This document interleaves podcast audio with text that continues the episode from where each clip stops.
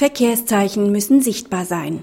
Ein Verkehrszeichen, das durch Bewuchs nicht mehr erkennbar ist, entfaltet keine Rechtswirkung mehr.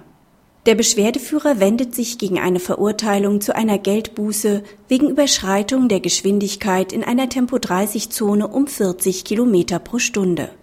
Das Amtsgericht hat hierzu ausgeführt, dass die örtlichen Verhältnisse Bewuchs, Art der Bebauung, Fahrbahnverengung so waren, dass der Bereich als Tempo-30-Zone erkennbar war. Die Rechtsbeschwerde zum Oberlandesgericht hatte Erfolg.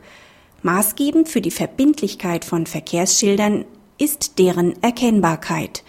Es gilt auch insoweit der Sichtbarkeitsgrundsatz. Da das Geschwindigkeitsschild aber durch Bewuchs verdeckt war, entfaltete es keine Wirkung. Es blieb daher nur bei einem Geschwindigkeitsverstoß durch Überschreitung der innerorts zulässigen Höchstgeschwindigkeit von 50 Kilometer pro Stunde, also eine Überschreitung um nur 20 Kilometer pro Stunde, was aufgrund der Tatsache, dass es dafür keine Punkte gibt, für den Beschwerdeführer neben der geringeren Höhe des Bußgeldes wesentlich gewesen sein dürfte. Praxishinweis.